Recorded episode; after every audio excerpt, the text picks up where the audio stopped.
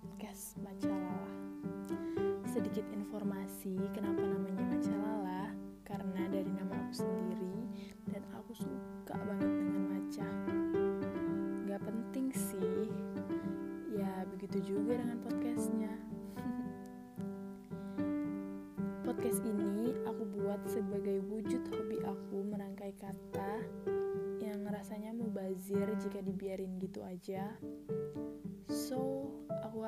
Kalian suka dan sampai ketemu di episode selanjutnya.